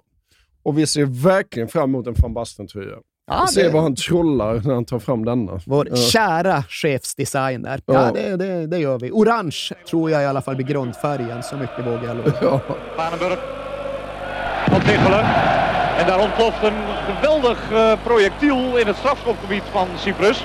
De scheidsrechter, die dat waarschijnlijk in zijn eigen land ook niet gewend is, laat doorspelen. Terwijl de Griekse, de Cypriotische keeper aangeslagen in zijn doel staat. En dat kan ik me indenken ook. Want dat was een knal. De blir klara för EM, men vi har hoppat över lite grann vad gäller klubblagskarriären. Va? Ja, vi hoppade fram ett halvt hack när vi var inne i landslagsfåran och därigenom ja, men spolat förbi Marco van Bastens stora, stora flytt. För som vi sa, 4 plus 1 i den sista Ajax-matchen. Tror det var mot Zwolle. Utbytt till stående gigantiska ovationer trots att de inte hade några avbytare kvar. Och sen då ner till det Milan dit han verkligen hade handplockats av den nya klubbmogulen Silvio Berlusconi. Hade varit hemma där i Berlusconis palats och lyssnat på när Berlusconi, jag vet inte om det var arior han framförde, men stod och sjöng och liksom var, var charmerande och övertygande. Så Marco van Basten kommer till Italien som en del av den holländska dubbelpipan som ska förändra hela AC Milan och hela den italienska fotbollen. Men för honom ska det ta ett tag, för den första säsongen är ju väldigt mycket rodskyldigt och väldigt lite Marco van Basten. Mm. För han kommer ju skadad. Han kommer ju utan att eh, hans ömmande vrist har hunnit läka ihop. Han trodde inte att det skulle behöva bli så, utan han trodde att det skulle räcka att vila en sommar efter att ha pressat sig igenom smärtvallen för Johan Cruyffs skull. Men det gjorde ju inte det. Hur mycket han än vilade och hur långt han än tog det så gjorde vristen fortfarande ont när det var dags att köra igång försäsongsträningen runt Milanello. Det tog inte mer än något enstaka träningspass innan vristen återigen började verka och svullna upp och ställa till problem. Och van Basten, han ville ju inte låtsas om det här. Han ville inte känna efter. Han ville tro att det bara skulle vara att kriga vidare och kämpa på, så skulle han med tiden besegra smärtan. Så han körde ju så gott han nu kunde och fanns på plan när säsongen inleddes. Satte en straff i premiären mot Pisa, men sen höll det ju inte så värst mycket längre. Sen tvingades Marco van Basten erkänna inför både sig själv och inför sin nya klubb att nej, han var ju faktiskt skadad. Och helt nöjd var inte Berlusconi. Han tyckte att han, han tyckte med rätt att han borde ha informerats tydligare tidigare. Men nu stod de i alla fall där de stod. Och nu skickades Marco van Basten ja, men för egentligen första gången på en ordentlig läkarundersökning. Hela 1987 hade varit jobbigt, men först hade han pressat sig för Johan Cruyffs skull och sen hade han hållit käft för sin egen skull. Och nu behövde han möta konsekvenserna av det. För när väl läkaren då tittade närmare på Marco van Bastens högerfot, då visade det sig att han hade försökt spela med sönderslitna ligament under ja, nu nästan ett helt års tid. Och Cruyff hade sagt till van Basten att ah, det kan ju inte bli värre. Läkarna säger att det inte kan bli värre. Men det visade sig väl vara ja, en av de allra mest kostsamma meningar som Marco van Basten någonsin lyssnade på. För värre kunde det bli och värre hade det blivit. När van Basten hade kämpat med sina sönderslitna ligament, då hade det liksom slitits av benfragment som sen hade kilat sig in i fotleden och dessutom hade brosket slitits ut. Och brosk är ju problematiskt för försvinner det, slits det ner, då läker det inte, då Nej. förnyas det inte, utan då är det mer eller mindre borta för alltid.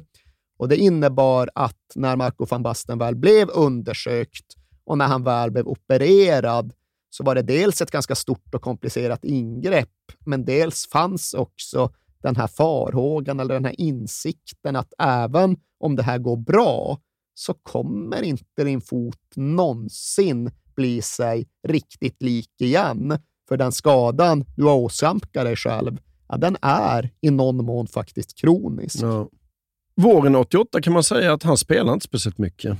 Nej, och detta trots att operationen till en början ändå anses ha gått bra. Det är inte så lång konvalescenstid, utan i januari 1988, ja, då kan Marco van Basten börja köra lite grann igen.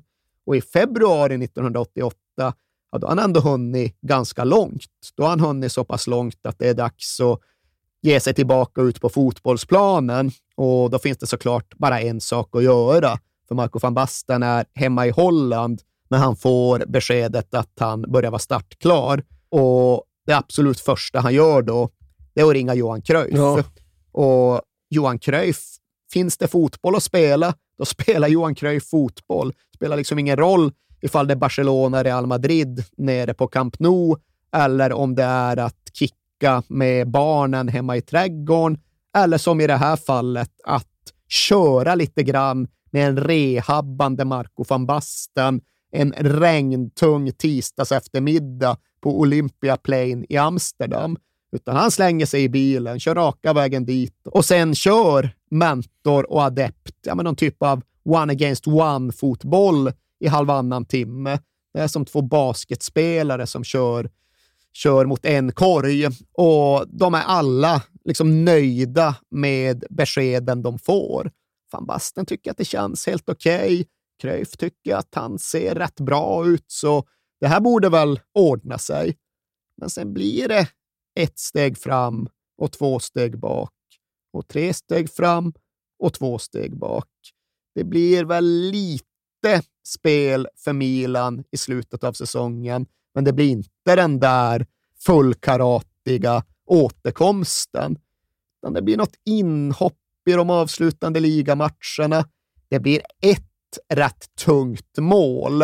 Napoli borta, va? Ja, det som i praktiken ja. är titelmatchen. Ja. Då Rudschillits Milan växer om Diego Maradonas Napoli. För det var ju det det var i det läget. Ja. Marco van Basten var ju en bifigur, medan Rudschillit hade vuxit till ja, men en av världens absolut främsta fotbollsspelare. Och det var han som drev Milan förbi Maradonas Napoli, både i tabellen och i den här enskilda titelmatchen. Och det är också han med sin extrema utväxling som drar upp anfallet, drar fram bollen till Marco van Basten som bara kan stöta in den i öppet mål mm när de punkterar fighten. Så det är Schüllits mål, det är Schüllits lag, det är Schüllits titel och Marco van Basten är ju öppen med att han inte känner sig särskilt delaktig. Men okej, okay, han får väl bara räkna bort den där första ligasäsongen och istället börja blicka fram mot sommarens EM-slutspel. Kan det bli något? Kan han i alla fall komma tillbaks i full form till den turneringen? Nej, det verkar ju tufft för det ena eländet tycks mest bara avlösa det andra.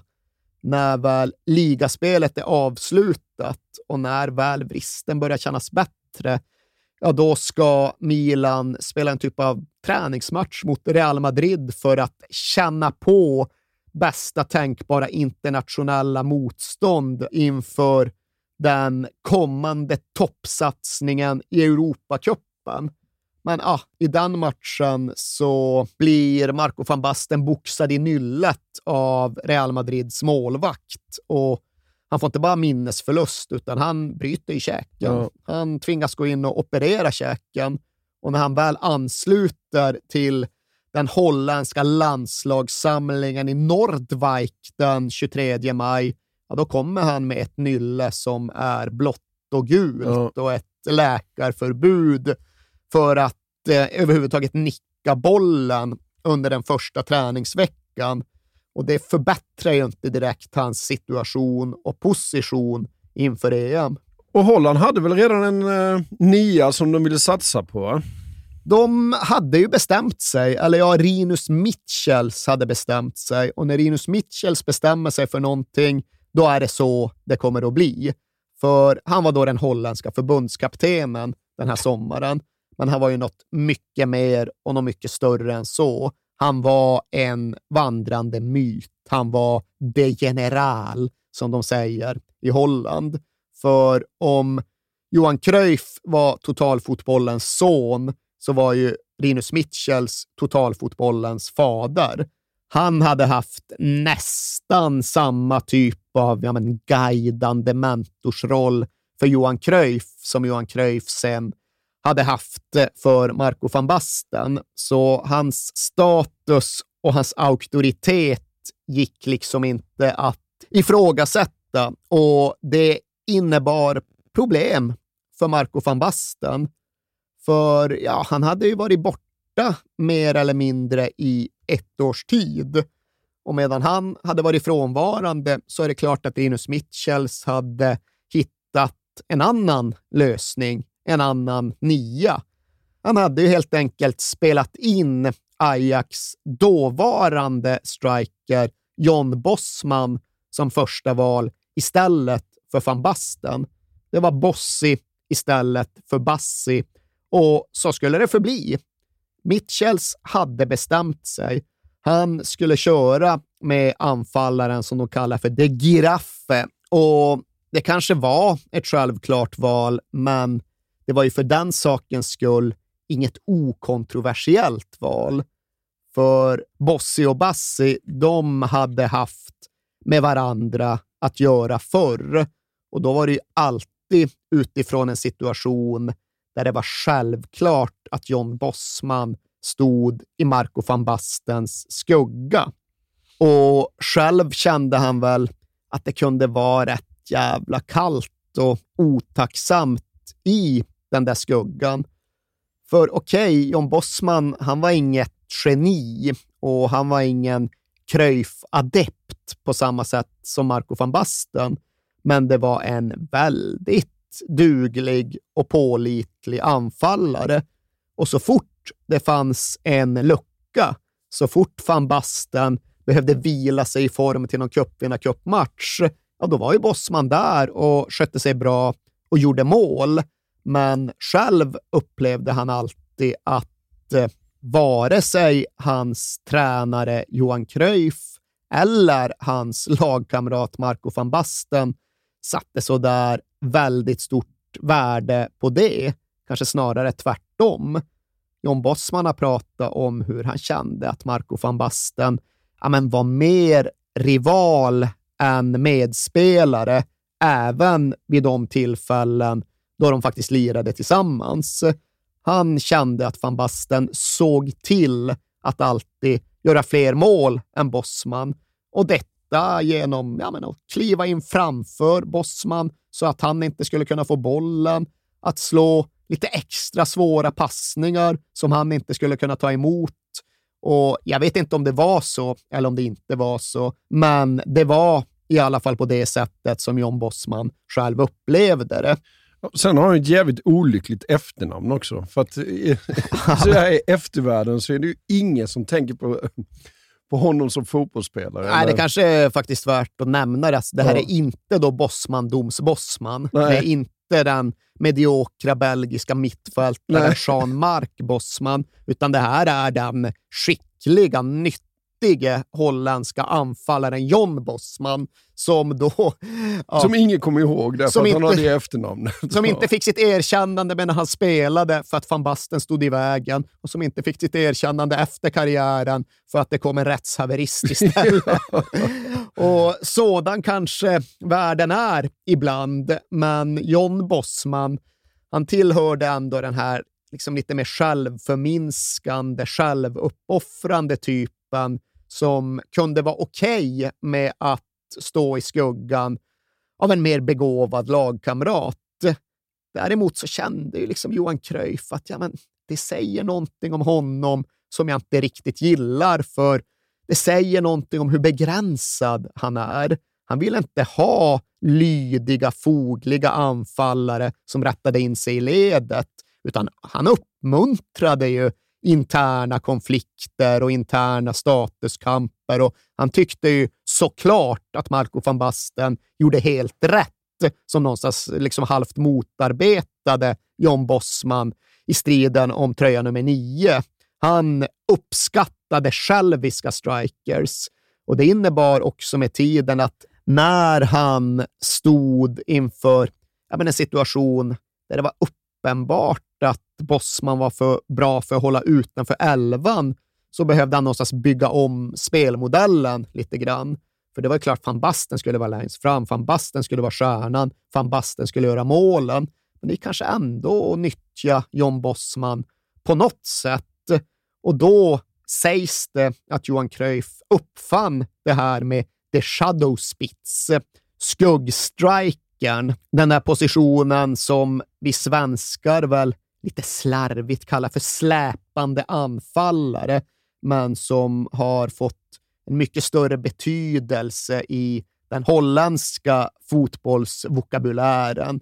Det är verkligen liksom ett av alla Cruyffs genidrag. Tänk att han var en sån framsynt visionär att han till och med utformade skuggstrikerrollen. Ja, det ska då ha börjat med att John Bossman var för bra men också för foglig för att hålla utanför Ajax 11, men samtidigt också för foglig för att kunna konkurrera ut Marco van Basten. Och det var Cruyffs sätt att se på det. Och det kanske skulle vara lätt att tro att Rinus Mitchells syn hade varit densamma, men de två männen kom att glida isär med åren. Absolut, de hade erövrat världen tillsammans, först i Ajax och sen i Barcelona. Men sen hamnade de längre och längre ifrån varandra, både bildligt och bokstavligt. Och det här kom då att bli den stora följetongen in i EM 1988. Marco van Basten, som hade en stor del av opinionen med sig, och som hade Johan Cruyff med sig och som såklart ansågs vara den bästa holländska anfallaren, men som ändå var placerad utanför elvan. För att Rinus Mitchells, han investerade sitt förtroende i John Bossman, då den här killen som alltid hade stått bakom van Basten i kön, men som nu hade klivit in i hans ställe med hårt, lydigt självutplånande arbete. Och det uppskattade någonstans Linus Mitchells, men det fanns en situation som var på gränsen till osmaklig under träningsveckorna upp mot EM. För okej, okay, Bossman skulle starta, men van Basten tyckte det var lite fånigt och Wim Kieft var där och tyckte också det var lite fånigt. Mm. Han borde i alla fall gå före. Så de tycks mer, jag ska inte säga att de mobbade Bosman, men de var på honom. Liksom. Lärarens kelgris, mm. den typen av grej. Liksom. And Hullet makes a run again. Kenny Sant having to be aware here. And Hullet got the ball back and Bosman goes in. And there's a goal for Holland by John Bossman. 2-1 to the Dutch. And Hullet again instrumental in the build-up. Holländare vore inte holländare ifall inte även den här situationen ganska snabbt drogs till sin spets. För när Marco van Basten fick speltid i träningsmatcherna inför EM, då fick han spela ytter. Ja. Han fick spela högerytter den ena matchen, han fick spela vänsterytter i den andra och efter en av de sista träningsmatcherna mot Rumänien, då gick Marco van Basten fram till en radiosnubbe som heter Jack van Gelder, eftersom att han visste att Jack van Gelder stod nära Johan Cruyff.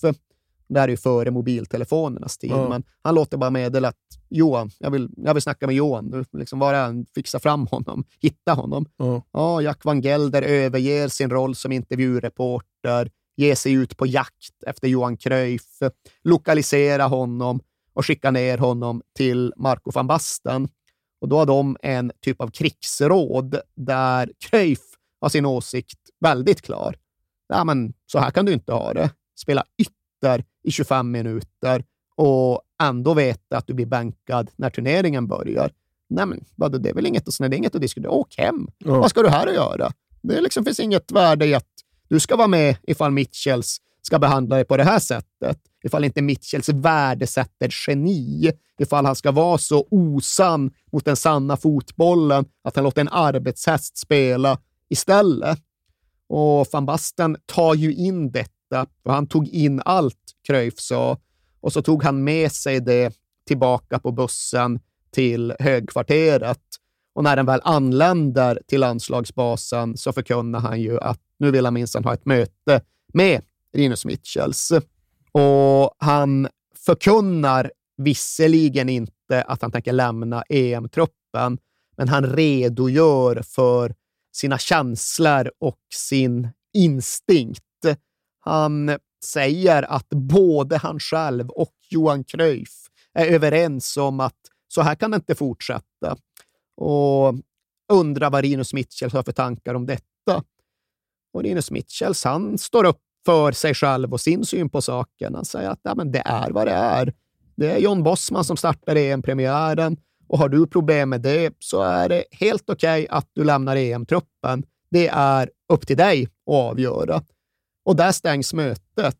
Och vad gör van Basten då? Jo, han gör det som framförallt du har kommit att kategorisera som att ta en svennis. Du, Sover på saken. Ja, det använder Vi var ju inne på det i Lazio-avsnittet, att Sven-Göran Eriksson hade det som pedagogisk modell eller som ledarskapsrättssnöre att aldrig ta ett förhastat beslut, att aldrig gå för långt i stunden, utan alltid sova på saken. Du, jag lever efter Ja, det, gör det. sen det avsnittet och det har, gett, mig- det, det har varit skitbra. Så fort vi Bra har något... råd till våra lyssnare. Sov på sak. Ja, du, liksom, du använder det minst en gång i månaden ifall vi har något liksom beslut som vi ska fatta i relation till podden eller ifall det är något som är lite komplicerat. Ja, men okej, vi säger så och så tar vi en svennis och sen pratar vi igen imorgon. Skitbra. Ja, och faktiskt så fick även den modellen Marco van Basten att tänka i nya banor. Snarare än att fullfölja det han ändå hade tänkt sig, åka därifrån, så tog han en svennis, sov på saken och vaknade upp med lite andra tankar. Nej, jag ska inte åka hem, men jag ska inte heller bara foga mig. Utan det jag istället gör, det är att jag tar de här EM-veckorna och så använder jag dem för mitt eget bästa. För jag måste ju bygga upp mig själv igen. Jag har varit borta i mer än ett år och vägen tillbaka till toppformen kommer vara både lång och krävande. Så jag får se det här som uppbyggnadsveckor, träningsveckor. Det här är en investering jag gör för att komma i bra form till uppstarten med Milan. Men EM, äh, det är i praktiken redan över för mig. Det här är mitt eget träningsläger snarare än det stora nederländska mästerskapet. Och med det mindsetet åkte trots allt ändå Marco van Basten med i den holländska bussen som styrde kosan mot Düsseldorf.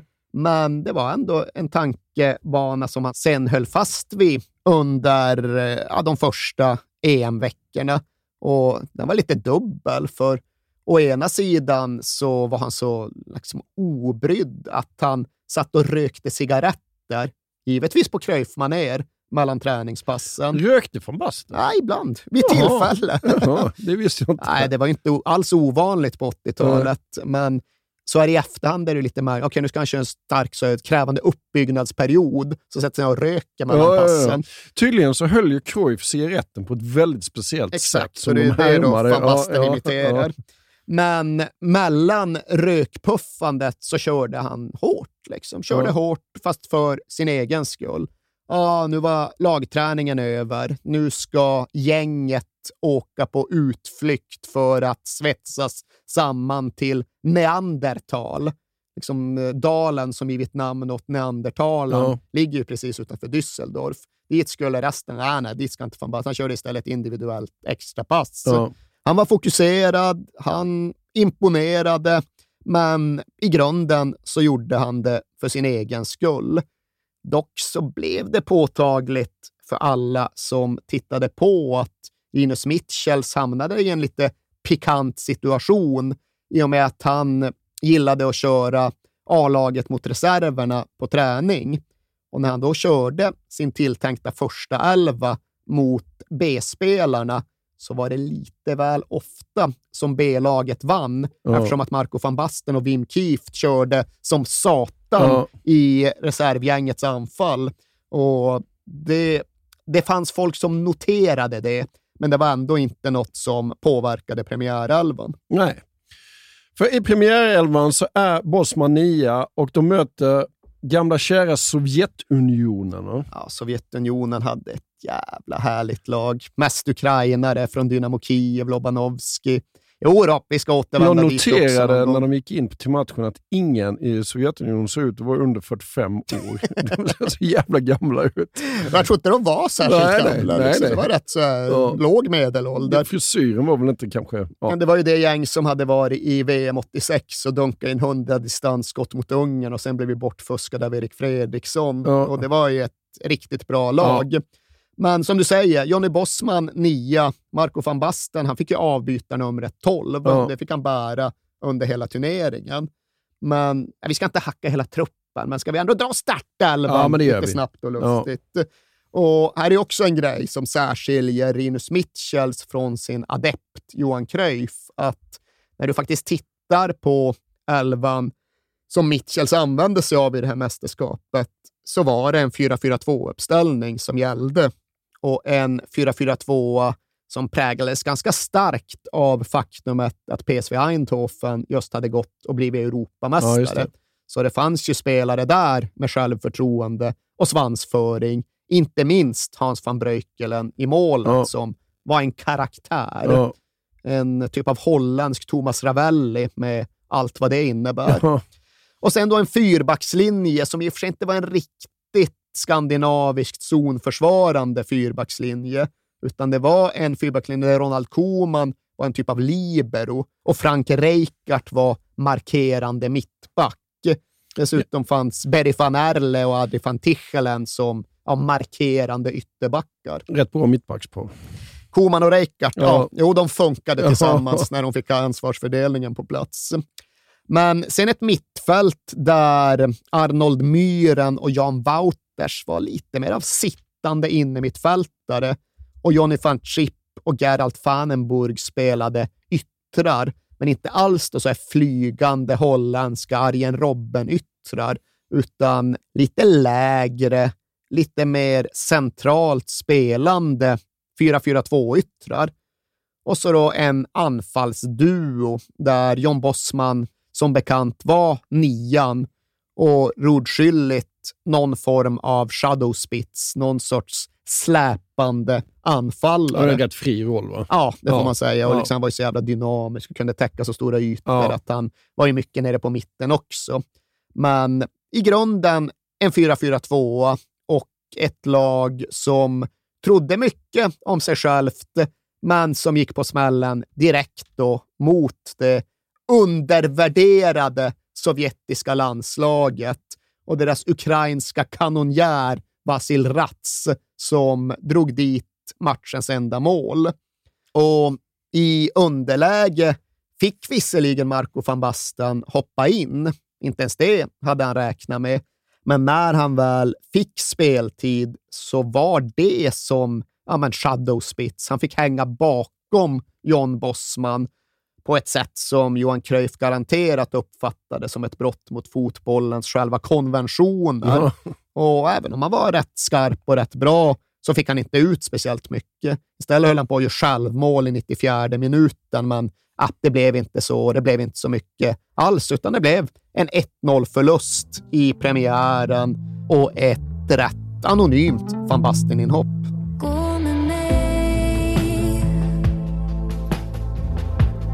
Bakom skuggor ser du solen. Och när du tvivlar